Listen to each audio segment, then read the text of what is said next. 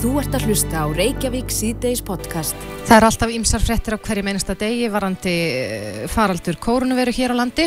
Það greindust fjölmarkir í gær, tæplega 1400 sem er eh, hærra en síðustu daga en, en þó eru líka bjart sínar svona frettir í faraldunum. Já, já e, sko staðan er mun betri heldur en e, bjart sínustu spár gerðu ráð fyrir er varðar e, landsbyttilan. Já. Þannig að það eru góða frettir í þessu þó að tölurna séu nú svona með hæsta móti. Á línunni er Þórólfur Guðnarsson, sótarnalegnir, kom til sæl. Já, sælverði. Svona miða við þessar góðu frettir núna, er, er tílefni til þess að slaka? Já, sko, það er náttúrulega að hafa komið, eh, ef við, erum, ef við lítum bara á til dæmis þessar spálíkon fyrir landsbítalan, þá eru komið nokkur, hafa komið nokkrar spáruna undanfærið og síðustu spár komið nú bara í gær, sko. Mm -hmm.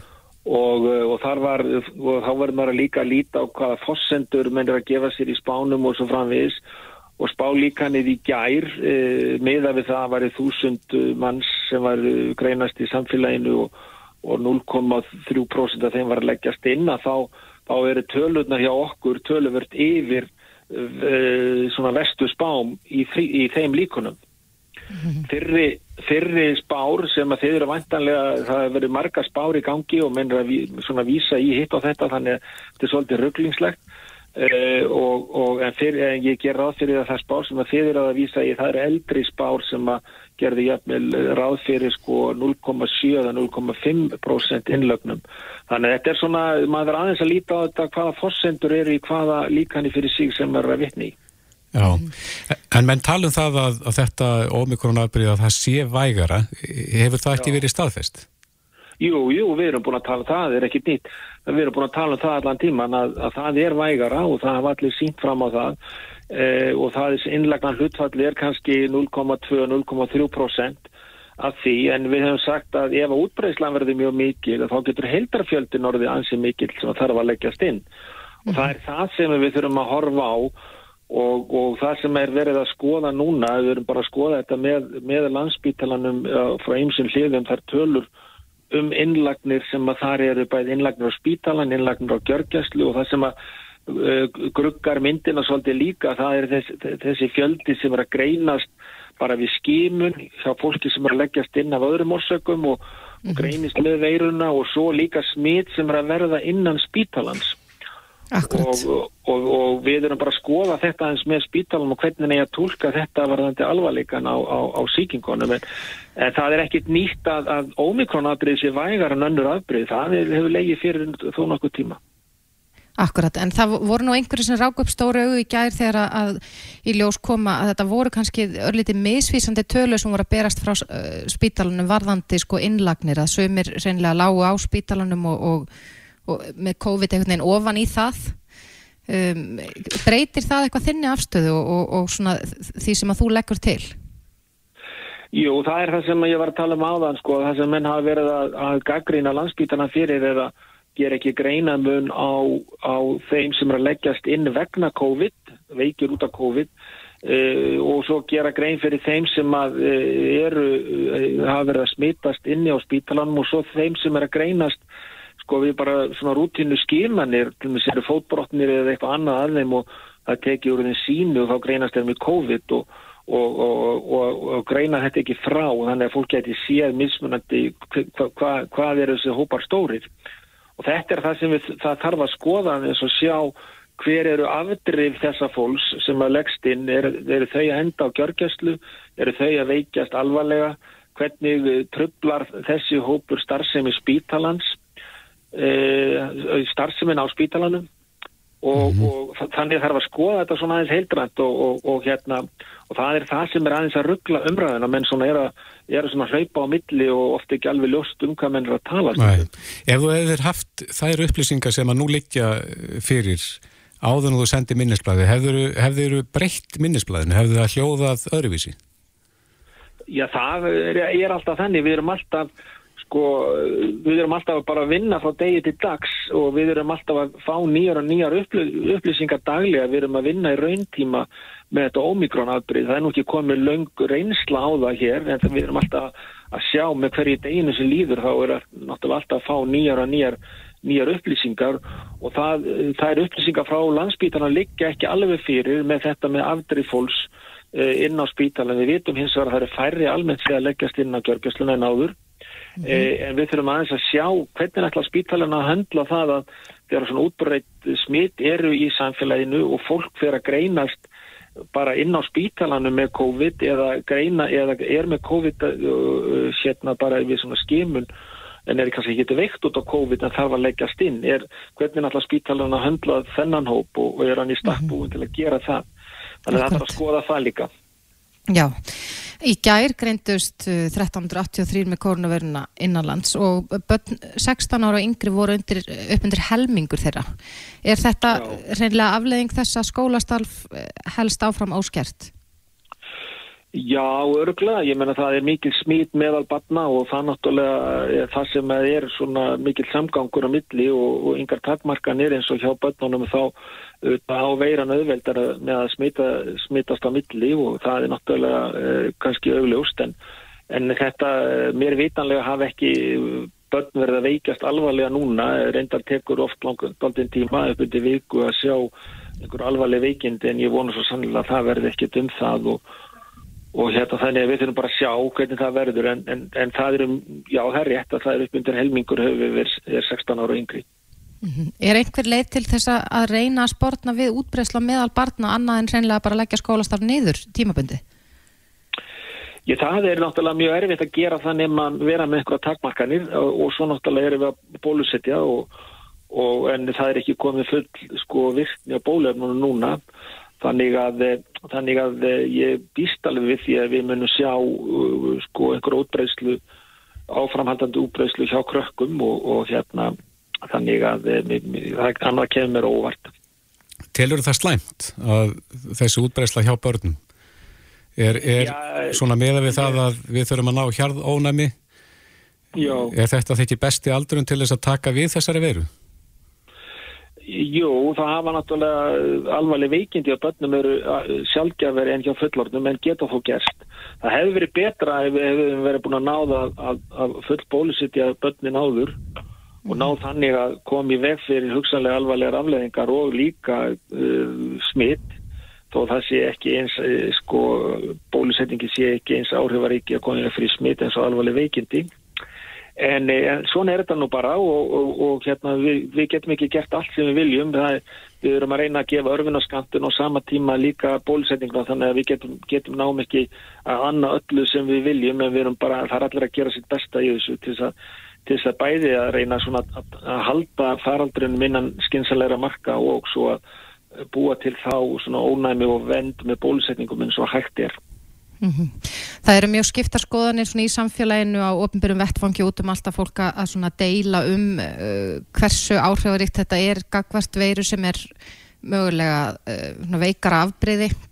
Uh, erstu bjart sín fyrir næstu vikum að, að, að það verði mögulega aflétt og að ja, þetta fari mögulega, þessu fara að linna?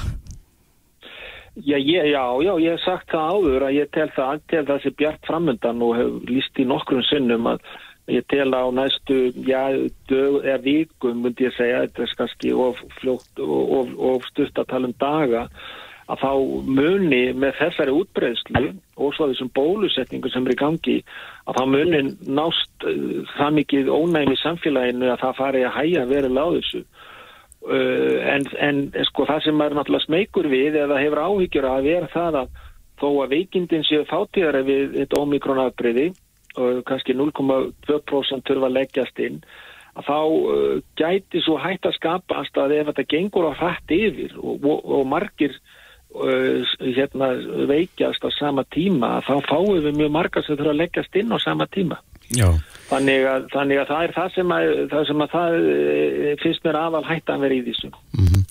Það eru marga spurningar á lofti og ímsa spurningar sem við erum beðinum að finna svör við. E, það hefur nú mikið verið talað um það að þeir sem að hafa síkst af delta þeir geti síkst af omikron síðar.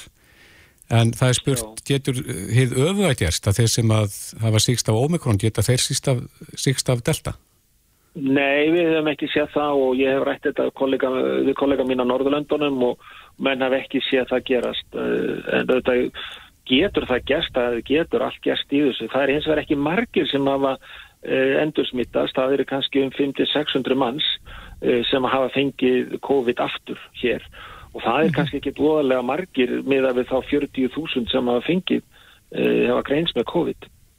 Akkurat. Kannski rétt eh, að lokum þórólur í gær, nei í dag var það ákveðið að stitta tíman sem þarf að líða á milli þessum fólk hver annan og þriðja skamt bólusetningar. Uh, er, er þetta gert svona til þess að flýta fyrir þeim sem Janssen þegur um margum rættu sem að eru enna býð eftir þriðja skamtinum? Já, það er meðal annars gert þess vegna og ég hef lísti áður að við höfum svona verið frekar treg á, á að, að stitta tíman úr fimm mánuðum yfir fjóra og það byggjar á svona ónæmisfræðilegum uh, svörum við bólusetningunni. En, en ég held að það sé kannski nöðsynlegt núna þegar þetta er komið á, á, á skrið að, og sérstaklega svona útbreytt með að batna að reyna að flýta fyrir uh, hérna góðu ónæmi hjá til dæmis kennurum sem að stór hópar af þeim sem fengi Janssen og, og ég held að takist að, að, að klára bólusetning þá bara núna mjög fljótlega þannig að það er það er svona helsta ástæðan fyrir því, já, það er rétt. Já, já Þórólur Guðnarsson, Sottartanleiknir, takk kærlega fyrir þetta. Já, sömulegis, takk, takk. Þú ert að hlusta á Reykjavík C-Days podcast. Það eru marga spurningar lofti þegar það kemur að koronaveiru faraldrinum, viðbröðum yfirvalda við þessum faraldi. Akkurat, og margir sem að er að leita kannski að, að einhverjum skýringum á þeim sóttvarnatakumörkunum sem við búum við núna Sumir skilja þetta aðrir ekki Einmitt. og auðvitað skiptar skoðanir. Við heyrðum nú hérna í bítunni í morgun þar sem að, að það voru menn á algjörlega öndveru meiði uh, hvað var þar svona alvarleika faraldursins? Já, uh, annars vegar Tómas Læknir og hins vegar Jón Steinar Gunnljósson, hæstaréttar lögmaður. En uh, við vitum það að félagi atvinnureikanda eða frangvæntastjóri þess félags hefur sendt spurningalista á Viljum Þór, helbíðisáþurra varðandi ímisadriði er tengjast þessum faraldri og Ólafur Steffensen, eh, frangvæntastjóri félagsins er á línu, kom til sæl Já, þér sæl Já, þetta eru sex spurningar. Eh, getur þú farið aðeins yfir þessa vangaveltur ykkar? Já, svo ég farið kannski aðeins yfir fórsöguna, það var alltaf koma þessar hörður sóttarna að gera mjög ítla við mörg fyrirtæki okkar hópi. Mm -hmm. Mörg þurfa að loka og, og rekstur annara er í, í uppnámi út af þessum hansi hörðu aðgerðum. Og sko nú draugum við ekkert ef að þarf að grípa allir einhver aðgerða til að, að ná tökum á faraldinum en við erum að velta því fyrir okkur kort nálgun stjórnanda þessu sé og fröng sko ef maður les minnist að sóttanlækningsfæði í síðustu viku þá er markmið augljóslega að ná niður álægin á heilbyrðiskerfið þannig að það skapist ekki neðar ástand og það er sjálfsögðu líka neðsynlegt markmið. En valkostinir sem hann gefur eru bara þrýr það var hóparitt ástand að herða þetta aldrei mikið og að skjalla nánast í lás bara að loka fyrirtækjum og stofnunum og svona þess uh -huh. og það var kostur nummer 2 sem var fyrir, fyrir valinu og er enga síður mjög sko vondur kostur fyrir, fyrir atvinnlífu og eins og við segjum í þessu brefi til ráðherras sko mikil takmörkun bæða aðtapna og atvinnufrelsi. Og við erum svona að velta fyrir okkur hvort að þarna hafi kannski stóri hamarinn verið notaður að, að óþörfu. Og spurjum þessum na, sko í fyrsta lagi hvort það hafi verið lagt mat á kostnað atvinnlíkins og eftir aðtökum ríkisjóðs að þessum svona aðgerðum. Og í öðru lagi það bendum við það að mörg uh, vestrann ríkja hafa gengið mun lengra í viðbúnaði heilbriðiskerfisins við faraldinum heldur um það hefur verið gert hérna, ég vil markfald að gjör gæslu plass og svo framvegis. Mm -hmm. og við spyrjum hvort að uh, sá kostur hafi verið tekið til skoðunar að ráðast í sko mun stærra áttak til að efla landsbyrðan og aðra heilbyrðistofnanir og eh, ef ekki, hvers vegna ekki? Spurningum með þrjú er hvort kostnar slíku átaki hafi eh, verið borin sama við það kostnar sem að aðtinu lífið og eftir aðtökum ríkisjóður bera af hertum sóttadráðstöðunum núna Spurning fjögur er að við minnum á að sko það er margótt komið fram að það eru hér óbólusettu sem hafa alltaf hluthanslega miklu stærri hlut af álæg og heilbriðiskerfið uh, vegna smita hendur um bólusettis. Þannig að við spyrjum hvort að því hafi verið veld upp að, að fara svipaða leiðaldum sem Östuríki að óbólusettir meirinn ekki fara af sína heimilin nema til að sækja vinnu eða kaupið nöðsynjar hvort að hafi verið lagt mat á þann kostnað að, að kosta að gera bólusetningu að skildu til dæmis fyrir einstaklinga yfir einhverjum tiltækum aldri. Og hvort að hafi verið lagt mat á þann kost að, að uh, gera bólusetninga vottor fyrir að, að skilir fyrir því að, að geta sótt sér eins og þjónustu farið í Vestlandir og veitingahús, uh, sótt skóla og fjárhæðis eins og er til dæmis í, í Danmörku. Nú er ekki alls ekki langt síðan að Willum Þór var í viðtali hér hjá okkur og, og hann sagði að þau myndu nú já, reyna að gera gott sem allt til þess að, að mismuna fólki ekki eftir því hvort það sé bólusett eða ekki. Myndi ykkur frekar hugnast svo leið eins og gerðir til dæmis eins og þú nefnir í Austuríki að, að, að þeir sem að ákveða þykja ekki bólusetningu, ekki af læknisfræðilegum ástæðum að þeir, þeim sem settur svona svolítið þrengri skorður? Já, sko, eins og við verðum upp í þessu brífi, þá er verið að takmarka aðtapna og aðtunufrelsi nánast allra. og við verðum upp þeirri spurningu, við erum ekki endilega með svarið. Hvort að það sé hægt að ná sama árangri með því að beina aðgerðum að minni hópi fólks, þessum hópi óbólusetta sem er að búa til vandamál í heilbríðiskerfinu, í staðin fyrir að nota stóra hamarinn og takmarka frelsi allra. Mm -hmm. og það er kannski spurning sem að mér finnst stjórnvöld ekki að hafa svarað. Já, uh, við heyrðum í frettum um helgin að Haldur Benjamin uh, frangatastjóri samtaka atunlífsins var nú að ja, byðla til stjórnvalda að greiða laun þeirra sem eru, eða starfsmanna sem eru í sótt kvíða einangrun. Takir þið undir það að, að ríkið ætti að koma til móts við atvinnureikundu með þessum hætti? Já, þetta er æskilegt að, að Ríki kom með einhverjum hætti til mótsu fyrirtækinn sem eru núna í, í miklum vandræðum. Okkur finnst sko þröng, nálgunin það hefur hingað til bara verið talað um aðstóð við sko veitinga og ferðarþjónustu geran. Það eru oft þröng nálguna því að það eru mörg fleiri fyrirtæki í, í vandræðum og svo sem hægt að fara ímsað leiðir í þessu. Það er þetta aflétta tryggingagjaldi eða einhver leiti og við höfum bent á að lækka einhverja aðra skatta og, og álögur á fyrirtækjunum. En alltaf eftir því sem að líður á faraldurinn þá mingar svíður um ríkisöðs til að standa undir stuðnisagerðum og eins og við bendum nú á í brefun til Viljums þá e, sko þessi skellur sem að kemur núna með þessum hertu sangumutakmökunum hann hefur líka áhrif á tekjur ríkisöðs og það er eitt af því sem að þarf að, að hérna, reikna þenn í dæmið hvernig getum við stilt þessu upp þannig að við höldum aðtunljónu gangandi? Fyrirtækin hefur tekjur lönnfegar hefur tekjur, ríkið hefur tekjur en að við náum tónum kannski með sértækari aðgerð og, og, og, og stöðu heilbriðiskerfis Já, áttu vona því að, að fá svör frá ráþeiranum? Heilbriðisaðanettið, þannig að mín reynsla að það er ekki duglegt að svara brjöfum En málið er mikilvægt þannig að ég binda sjálfsögðu vonið við það að fá svar með einu með öðrum hætti hvort sem það er mm -hmm. með brefi eða svona einhvern veginn í hinn og ofnbúru umræðu. Þetta er umræðu sem þarf að taka. Við bendum á það að það, það þarf að taka hreinskipna umræðu um fleiri kosti heldur en hafa verið eh, á borði stjórnaldar núna undanfærið og af hverju ekki að horfa til nákvæmlandana og hvernig þið er að gera það og hvernig það gengur. Akkurat.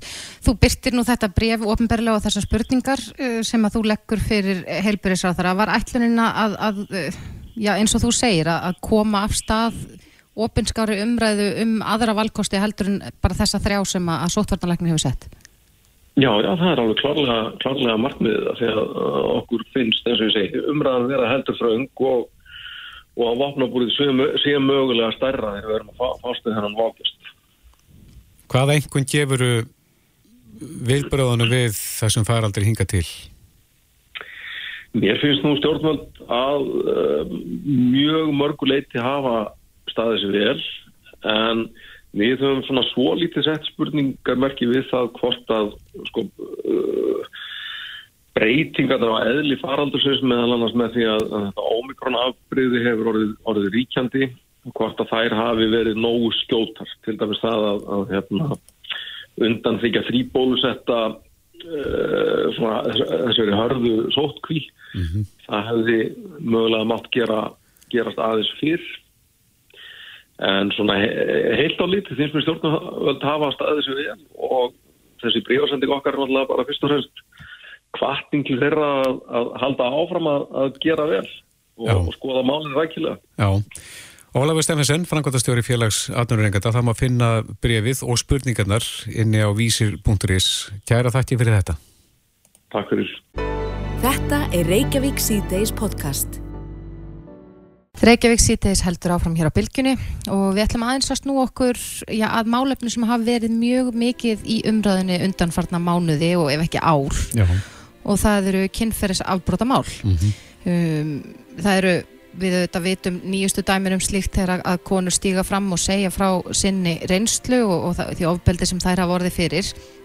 En uh, oft kemur svo spurning upp hjá fólki sko hvers vegna uh, ekki var lögð frem kæra í málum? Já. og þá hefur ítrekka verið bent á það að, að réttafjörslu kerfi sé mögulega ekki nóg þólenda vænt og, og fleira í þeim dúr. En uh, það er nú búið að rannsaka sko í raun og veru upplifun kvenna eða reynslu íslenskar kvenna af því að kæra nöðgun Mm og við erum með á línuna hana Karin Byrnu Þorvaldsdóttur, hún er doktorsnemi í heilbriðsvísundum við Háskólan á Akureyri, kom til sæl Karin Sæl veriði. Já, þú rannsakaðir þetta á, á sínum tíma, nú komin örfa ár síðan að þú uh, skrifaðir um þetta. Já, uh, segð okkur aðeins frá þínu verkefni þessi rannsók sem sagt kemur til, ég var á þeim tíma meistaranemi og í meistaranáminu þá fer ég inn í verkefni, umbóta verkefni sem var að hefjast á þeim tíma á vegum lauruglunum Norðurlandi eistra og undar margra annara aðila sem koma að þessu sjúkrósins akureyri, heilbrið, heilsugæslan og hér að saksóknari. Og þetta snerist í raun og veru að því að finna leiðir til þess að bæta réttavislukerfið til þess að mæta þörfum þólenda.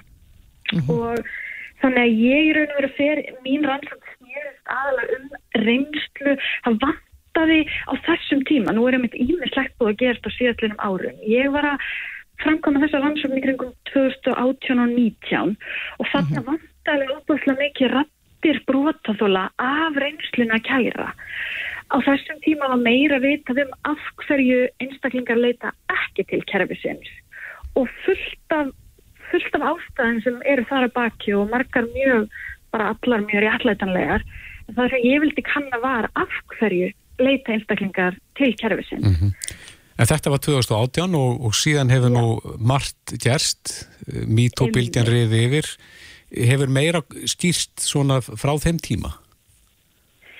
Ég, ég hugsa, það sem mér heyrist og sýnist á svona tölfræðin sem við vitum er að það er að aukast að fólk leiti til örglunar og kæri.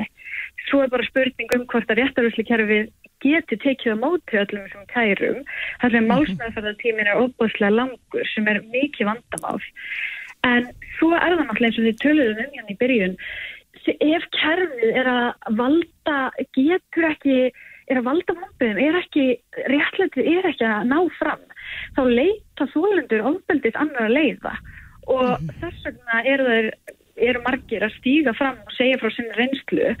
Og það er svo erfitt í þessu það er svo erfitt í þessu umræðu að það sé með einhvern veginn eins og það að manneskja kæri ekki að það sé það líklæra að manneskjan sé að ljúa eða ofbeldið hef ekki átt sér stað en svo ég komur aftur að rannsókninni þar sem kannski útskýrir eh, af hverju fólk er ekki að leita til kerfisins er að niðurstað þessar rannsóknar var að tólendunir, brotaþólunir sem ég tók við til við upplýðu það að leita til rétturvísu kerfisins að kæra útveldi sem annað áfall ofan á hitt. Og bara óbúðslega streituvaldandi reynsla að fara í gegnum kæruferli. En það sem var það sem hefur verið rosalega gott að horfa samt upp á undarfarið er að það er verið markvist að vinna í að bæta.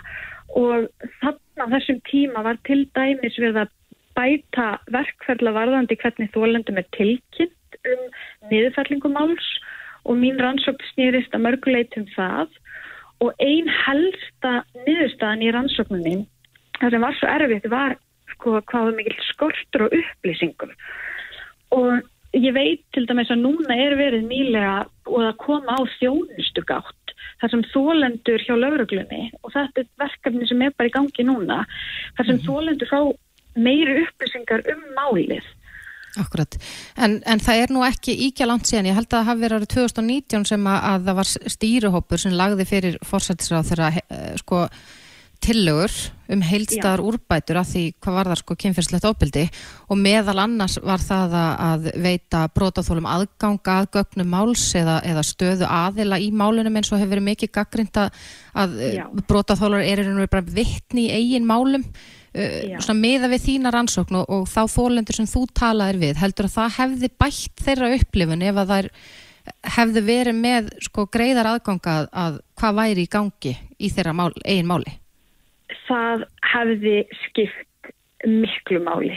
Það kom rosalega skipt fram og þetta er alveg hár rétt til dæmis rannsóknir Hildar Fjólu Antonsdóttir hafa mikið snúist um þetta að hvernig Ísland hvernig við, Ísland og Danmark heldur sér einu um orðurlending dag þar sem þólendu kynferðsóbeldis eru vittni í eigin máli mm. og þeir upplifa þetta já eins og líka með þeirra og sálar lífi er bara brota vettvangur og svo eru þau einhvern veginn vittni af því sem gerðist. Og þannig að þetta er einmitt út af þessu að þeir bera að þeir eru vittni þá hefur ríkið ekki að mikla skildur til þess að veita þeim aðganga upplýsingum. Á, á meðan sakbortningur fær þessar upplýsingar. Hann er aðilega málinu eins og ríkið en ekki brotaþóli Þannig að mhm. þetta er, þetta er stórt mál og þetta kom svo skýrt fram að því ég auðvitað mín nálgun á þetta málefni er á helsu og líðan brotaþála og það er það sem ég hef verið að fókusa á. Hvað var það sem var að skafa þessa einstaklingi í þessu ferli og það var þetta flestir þólendur svona alveglegs kynferðisofbeldis sem sem naugun er, þeir verða þeir miklu áfalli og þeir eru svo, þeir eru í svo erfiðum aðstæðum að það er svo ennþá erfiðara að upplifa það að vita ekkert hver málið er statt, hafa engar upplýsingar og þetta er líka varðandi öryggið þeirra. Þessi einstaklinga fá ekki upplýsingar um sko hvenar er búið að tilkynna þeim sem þú ert að kæra að hann sé kærður, hvenar er hann tekin í skýrslutöku og þetta allir þeim alveg gríðarlega miklum kvíða og mm -hmm. allt, allt hitt. En telur þú Karin að þetta sé að breytast til betri vegar? Nú er bara ný, nýlegt dæmi mál sem er í, í fréttum núna, þetta er nú í fyrsta sinn sem að þingkald er opið í, í kynferðisbrótamáli sko, að beðinni þólandan sjálfs. Já. Heldur þú að, að, að fleiri muni fara þá leiða að kalla eftir því að þingkald verði opið og þannig ofinbera sig fyrir alþjóð sko, til þess einmitt að fá að fylgjast með framgangi málsins?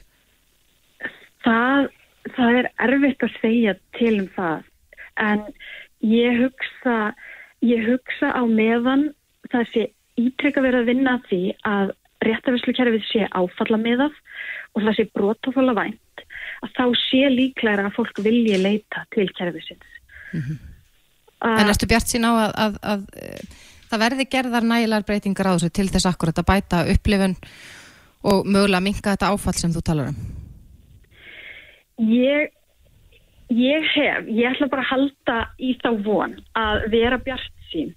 Af því að það sem ég hef verið að sjá gerast, þessar breytingar til þess að áfalla miða kerfið, að við séum ekki með kerfið sem er ítrekkað að þetta sé örugt umhverfi sem ítrekki undir áfalla viðbröð það held ég að það er nú þegar byrjað og það held ég mm -hmm. það sem við þurfum margast að vinna að en þessi stóru mál eins og varðandi með til dæmis vandamáli hversu marg nánast allir sem leita það er svo stór hluti sem er feltur niður og það er svo stór stór hluti af þessu að fólk sér ekki tilgangin í því að -hmm. leita til kervisins og oft þegar ég er ræðið, því ég veit að minn bakgrunnur, ég er ekki lögfræðingur, minn bakgrunnur er í sálfræði og heilbriðsísindum, þannig ég er alltaf þarna.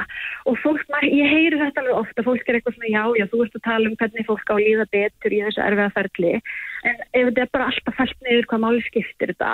Og ég er bara, ok, heyrðu, að sjálfsög skiptir máli að við séum að kerfið síni stöðning og fólki líði að þessi gert þetta erfiða ferli eins eins gott og hægt er.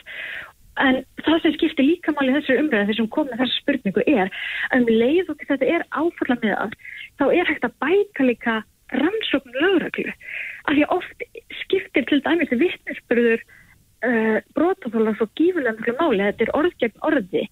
Og þegar kerfið er það sem einstaklingi líður betur, getur sagt betur frá, það sem er leitað oftar til hann fær frekara upplýsingar, þá er ekkert að styrkja rannsóknina. Og það getur Já. haft áhrif á hvort það sé fleiri mál sem eru þá það sem verður ákjært og hugsanlega sakfælt. Akkurat, en þa þess má geta að, að eh, þingmaður samfélkingarnar var akkurat að beina fyrirspurn til e, dómsmálaráþara bara núna held ég í dag eða í gær varðandi þessi málefni. Þannig að það er spurning hvort þetta verði eitthvað til umræða á þinginu núna en Já. við komumst því miður ekki lengra núna Karin Birna Þorvaldsdóttir, doktorsnum í heilbriðisvísindum við Háskólan á Akureyri Takk kærlega fyrir þetta Takk sem leiðis. Reykjavík síðdeis á Bilginni podcast. Það eru margi sem að fylgjast núna með eftirmálum uh, þessarar gríðalegu sprengingar sem varð neðansjávar við Tonga mm og uh, flóðbylgjuna sem að reið síðan yfir í kjálfarið. Akkurat Eh, staðfest eitt mannslát í tengslum við flóðbylgjuna eða tvö orðin nú þegar. Eh, Akkurat og eiga klasin varðu þetta fyrir miklum skemmtum Já. uh, og það er samkvæmt fréttum minnst eitt þorp sem að ger eðilaðist og margar byggingar eru hennilega hortnar. Já og svo náttúrulega öskulag sem að þekur þarna stórt landsvæði og sem að gerir leitastarf erfiðara. En það eru margir sem að svona setja sig kannski í þessi spór. Við náttúrulega þekkjum náttúruöflin hér, eldgós og jarstjálta og slíkt. En það er spurning hvort að eh, aðstæður hér við land geti skapast þannig að, að stór flóðbylgja myndi ríða hérna yfir strendurlandsins, svona í kjölfar jarstjálta eða, eða eldgós. Á línunni er Haldur Björnsson, sérfræðingur á Veðurstofu Íslands, kom til sæl. Sæl. Geta aðstæði myndast hér eins og við, við tonga. Sko, uh, það er, við höfum reyndið að skoða hér á landi nokkra hluti, sko, svona flóð eða sjáarskablar eða svona mjög vilgjur, það verða eins og við segir vegna jærskalta. Mm Það geta líka árið vegna skriðufalla í sjófram eða neðansjávar og það er nú eiginlega sko skriðufalli neðansjávar algengari en, en, en sem, sem upptök og hérna og svo eru svona líka hlutir hér sem við höfum velt fyrir okkur. Bæði skriðfall í sjó ef, að- fjall myndi til dæmis springa eða eitthvað og kemur svona stór stór skriðunni í sjóin Mhm. þar hafa menn hugsað til dæmis á Kanaríegin gæti slíkt gerst og þá myndi bylgjan fara um allt norður Allandshafið og myndi tegja sig hingað. hún gæti til sig hingað já. Já, og svo líka ef að hérna bylgja fellur vegna þess að það kemur hérna jökullaup í sjófram og við höfum skoðað suma þessum þáttum hérlandi og hérna þannig að jæðskjáltar hér eru ekki þannig að það séu mikla líkur á slíku. Það eru svona einstaka staðir þar sem að, maður gæti hugsa sér eitthvað það er sjálfanda eða eitthvað en hérna en, en það hefur reyndar ekki verið skoðað mjög alvarlega. En hérna það hefur verið eitt álega orki að skoða áhrif jökullaupa og hvort að þau gætu valdið slíku niðurstaðan er að raunum að þau valda flóðum en þau eru bara ekki svo stóra að svona sé neitt orða á gerandi en það hins vegar getur verið að þau getur triggerað hérna uh, jarð, uh, skriðuföll á landgruninu sérstaklega við reynistjúpur eitthvað já, og þá gæti orðið sagt, flóð en það myndi reynda langmest berast suður á bóin út á úthafið og er þið miklu minna upp á landgruninu þannig að það er eftir ekkert neitt rosalega strandflóð af því en, en það eru sögur af breytingum sérstaklega 1721 samfæða kallalöpi Mhm. sem hægt er að tólka sem einhvers konar bylgju af þessu tægi en þetta er nú ekki útlitt fyrir að sambærlega bylgja myndi valda gríðarlega skattaföllum núna hér sko. nei.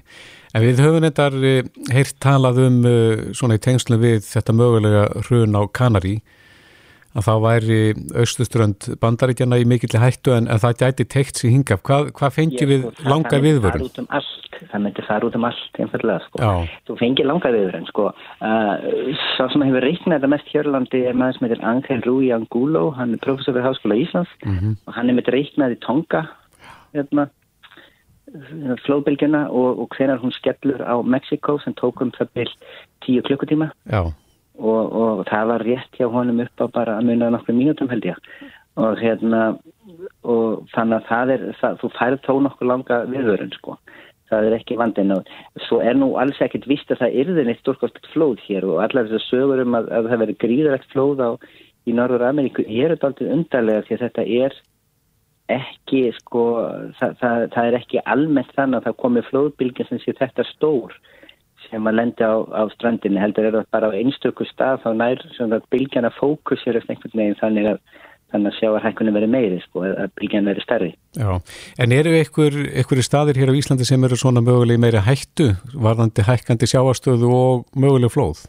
Já, sko, hækkandi sjáastöðu er svo annan mála. Hún er í sjálf því gangi hér eins og allstaðar annar staðar í heiminum. Mm -hmm. og þá er það þessir klassísku staðir á lálendi sem eru í hættu. Og hérna sannilega yfir sko langmesta tjónið á, sko langmesta tjónið hér vegna flóða er einfallega stormflóð. Eins og gerðist um daginn í Grindavík. Já. og það er bara einfallega gerist hjá okkur á hverju ári einhver staðarlandinu og, og sjáastöðu hækkun, jafnveg lítil sjáastöðu hækkun, hún gerur okkur útsettari fyrir svona vandamálum því að munurinn á til dæmis sko því flóði sem gerist á 50 ára frestu 100 ára fresti í Reykjavík er ekki náttúrulega nokkri sentimetra þannig að sjáast að hækka um 50 sentimetra þá ertu komin langt yfir það mm -hmm. En og, þarf að fara að huga að þessu varðandi flóða varnir og slíkt? Já, það er endalega, það er sífælt verið að því sko og það er í raun og veru sko það er til sjóvarnar áætlun og það eru til alls konar hérna, aðilar sem að raun og veru hafa þetta verka að, að higgja að vörnum og viðstofan til dæmis þar sem ég vinn er með, með hérna, hættu matvægna sjáastöðu er, er einn, einn af okkar einn af þeim þáttum sem við þurfum að vinna að sko. það, er, það er náttúrulega verið að vinna þess en þetta, það er vegar sko, mjög mikilvægt líka að mann hafi í huga og svona kannski svona tókstreitan í þessu er svo að það er ofþálega mikil ásókn í að fá að byggja á strandinu því hún er svo skemmtileg og falleg og það er svo gaman að vera við strandinu þess vegna erum við með allar þessar uppfyllingar en, en það getur verið að það séu að mitt ekki sérstaklega góðu stað að byggja á sko. En varðandi hækkandi sjáastöðum, hverjar eru spárnar núna næstu áratugina? Sko, næstu áratugin eru það sjálf og ekki, sko, það er þannig að uh, það er mjög algengt orða menn sé að tala um svona einn meter á næstu öld eða, eða út þessa öld frá uppafaldar mm -hmm. og það er að hækka sko sjávarstaði í heiminum hækkar um svona á, á hverjum þreymur árum en sentimetra eða svo sko. Og hérna og þetta er það er, er að aukast hraðin á hækkunni stóra hættan fyrir okkur er aðalega hvað gæti gerst á Suðsköldslandinu af því að þar er jökull, stórjökull sem er tveit sem er að brotna upp líklega. Hann í sjálfsveit hefur engin áhrif á sjáamál því að þetta er ísætla sem flýtur en það hættan er að sér að þessi ísla fer þá gæti eitthvað annað farðast og það geti hækka sjávartu nokkur rætt og þá í, það er samt að vera að hafa í huga þegar maður tala um svona hluti þá erum við yfir að tala um eitthvað gerist á margum áratugum eða jæfnvel hundra árum. En menn eru farðan alvarlega að tala um sko hækkun upp á svona 1,5 metr kannski á 100, næstu hundra árum eða svo sko. Og á hvaða staði á stöðum í Íslandi þýrti að hafa mestar áhyggjur af þá? Sko það er náttúrulega margir staðir Kvosin er einn staður sem er mjög oft nefnd sko sem staður sem gætum alltaf áhugir af og hérna og svo eru bara margir, þetta er eiginlega allar svona lá, lálendisvæði sem eru þau svæði sem hefur eða svo, já, lásvæðin Suðurlands undirlandi, var það? Nei, Suðurlands undirlandi stendur nú alveg merkilega hátt, sko. það er náttúrulega við strandina, það er nokkru staði við Suðurlandi sem eru mjög lágir og mjög flatir, við viljum að spara hérna vestan við Reynisfjöru og kringum, kringum hérna kringum Ingolshafan og, og, og kring, þannig staðir sko mm -hmm. en hérna og, og þessar óseirar og slikt en, en sko yfirleitt er, er það nú stendur þetta nokkuð hægt, það er ekki eins og Suðurland undirendi sé að fara eitthvað sko Nei, akkurat þessi, sko. Það er nú gott að heyra, Haldur Björnsson eh, sérfræðingur á viðstofu Íslands eh, kæra þakkir fyrir þetta og við náttúrulega fylgjumst áfram með gangið mála þarna við Tonga Takk fyrir Takk, bless Reykjavík síðdeis á Bilginni podcast. Það hefur lengi verið sagt að eh, hláturinn lengi lífið. Jú, svo sannarlega. Og uh, húmor er einhvern veginn, eh, ég myndi segja að húmor að vera nöðsynlög. Nú erum við búin að vera að lifi í svolítið skrítnum heimi síðast leginn tvö ár mm -hmm. og uh, það er alltaf gott að halda í húmorin. Já, En svo er misjafn húmor og uh, ég hef nú reyndar lengi heyrt talað um það að það eru starfstjættir sem að vinna mikið uh, í kringum dauðan, uh, sjúkarflutningamenn, lauruglumenn og læknar og slíkir. Að þetta fólk sé oft með mjög svartan húmor. Akkurat. Um, við rákumst á uh, mistrarítgerð í þjóðfræði sem að fjallar um húmor sem bjargráð fólks sem starfar í návíi við dauðan og svo sem að skrifar þessa ríkjörð er Greta Karin Fredriksdóttir og hún Greta er á línunni, kom til sæl. Sælverði. Já, þú rannsakaðir þetta. Þú varst að, að Já. fjalla um nýtt sem er húmor sjá fólki sem að starfar í miklu návíi við dauðan. Hvernig dattir það í? Já. Um, sko, eh, eftir í þjóðfræði þá fór ég í afbrótafræði og hérna mér langaði svo á einhvern hátt að tvinna þessu saman í ritgerinu minni. Og svo bara í gegnum námið, bara bæði í þjóðfræði afbrótafræði var ég búin að heyra svolítið mikið um eh, við heyra mikið að sögum þar sem að hérna, fólk var að vinna náðu döðanum og það væri svona mikið um húmor þar og einhvern veginn fannst mér það svo anstæðir pólar en samt svo merkilegt að ég bara ákvaða að taka skarið og taka viðtöl við fólk sem að starfa náðu döðanum og skoða hvernig þau nota húmor. Já, er það svartur húmor eins og ég nefndi hérna á það sem að þá svona er ábyrrandi? Sko, sko a, uh, bara alls konar húmor. Bara frá einhverju smá glensju upp í einmitt einhverja sem að væri eftir að tólka sem svartan húmor sko. Já, er það til þess að halda bara geðhilsunni? Já, meðal annars. Það var, já, það var svona fjórir, fjögur þemu sem að ég sá sem voru mest ábærandi, sem að húmorinn svona hjálpar við. Og það var bara eins og opna á erfi málefni þegar það er margt sem þarf að ræða sem er erfitt, hvort sem að sé hérna, starfsmæðurinn við aðstandendur eða kollega eða eitthvað svo leið og þá einhvern veginn svona hjálpar húmorinn sem svona ísbrjótur inn í umræðuna og svo líka já, bara til að byrja ekki inn í vanlíðan sem kemur í kjölfar þú veist, þú ert að lenda ítrekka í erfum aðstæðum sem taka mikið á Akkurat. og hérna já, hvað sér? Ég ætla að spyrja í hvaða starfstjættum uh, er þetta fólk sem þú tókst viðtal við? Heyrðu, ég tók viðtölu fólk sem að vinnur á vegum kirkjugarana uh, við fólk sem vinnur hjá lauruglunni og á sjúkrahúsunum og presta það er, já, tók, það voru svona starfstjættum sem ég tók Og var það sammert á, á milli allra starfstjættana að, að uh, þessir einstaklingar nota húmor svona til þess að, að komast í gegnum daginn, má segja? Já, bara undan tekningalöst kemur húmórin mismikið auðvitað en alltaf þannig að hann er áberandi á einhvern hátt. Og fannst þið það, og viðurkendi fólk það, að þetta væri svona til þess að halda bara sönsum og, og geðhelsunni? Já, alveg 100% bara og flestir sko sögðu í viðtælinu bara ég held ég get ekki starfað en að það væri ekki húmor. Það var svona þema, já, bara ég myndi bara gefast upp bara um leið. Var eitthvað sem kom þér á óvart í þessum viðtölum þegar þú varst að tala við fólki í þessum ólíku starfstjættum sem eru öll einhvern veginn svona í miklu návíi við dauðan? Var eitthvað svona eitt sem að þú mannst eftir sem að- að kom þér á óvart? Um, sko það kannski komur ekki óvart en það var bara svo magnað að heyra aðstæðunar sem þetta fólk bara lendir í í starfinu og er tilbúið að leggja á sig.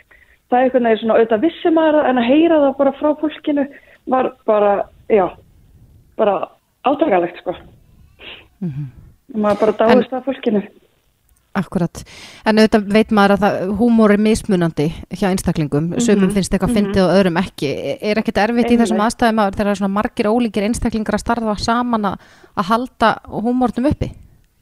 Jú, það er alveg þannig og það var svona uh, nokkur þeimur sem voru svona undirstað þess að húmoru myndi bara viska og yfir höfu líðast og þú veist, það var bara eins og það, það var alltaf sína virðingu hvað sem maður sé gagvar skjólstæðingum eða hérna samsast að, aðlum og svo bara hún var ná sér stað og stund og virða mörk og svo leiðist það voru svona alls konar svona þættir sem að voru mikilvægið svo að húmórin myndi ekki bara tólkaður bara á, já, slæmur og svo leiðis.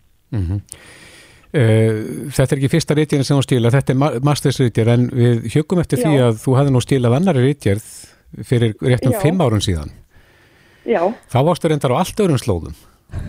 já, Þá varstu að tala um hreinlæti í torfkomu, uh, torfbæjum. já, já, það var bíðargerfin, pínu smá stökk frá henni yfir þetta. Já, segðu okkur aðeins af henni. Já, það var náttúrulega bara allt öðru í sig. Þá var ég bara mest að lesa bækur og svona frum heimildir eins og það kallast ferðabækur og alls konar og var að skoða bara mismunandi sjónarhótt á sinnleiti og þar var í rauninni bara, var ég mest að reyða þegar bara eftir hvernig þú horfir á það og hvað þið fannst um sinnleiti sko. Mm -hmm. Fólki eins og þegar bersklarnir voru hérna, í, í miklu mæli hérna á Íslandi þá tal, talaði fólki um að sinnleiti myndi virka best.